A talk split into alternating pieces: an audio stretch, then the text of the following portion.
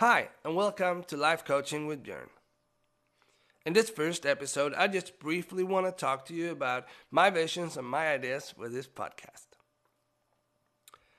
As a life coach, I strive to help my clients go from feeling an idea to reaching their goals. So, in this podcast, I'm going to bring up topics like life, dreams, family, kids and goals, and work of course. Because what would life be without those topics? Dreams may be different between people, but the journey there is almost always the same. Your vision and your dream might be to get a different relationship with your husband.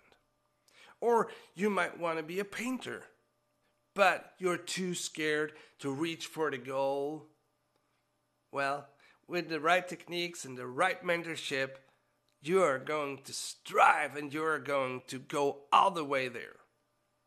So, if you think that this could be something, don't be afraid to message me. Or do you have a topic that you want to bring up, like mental health? So don't be afraid to do it, because I will get back to you as soon as I can.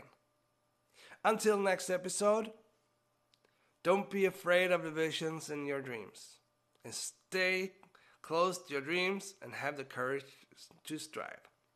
Take care.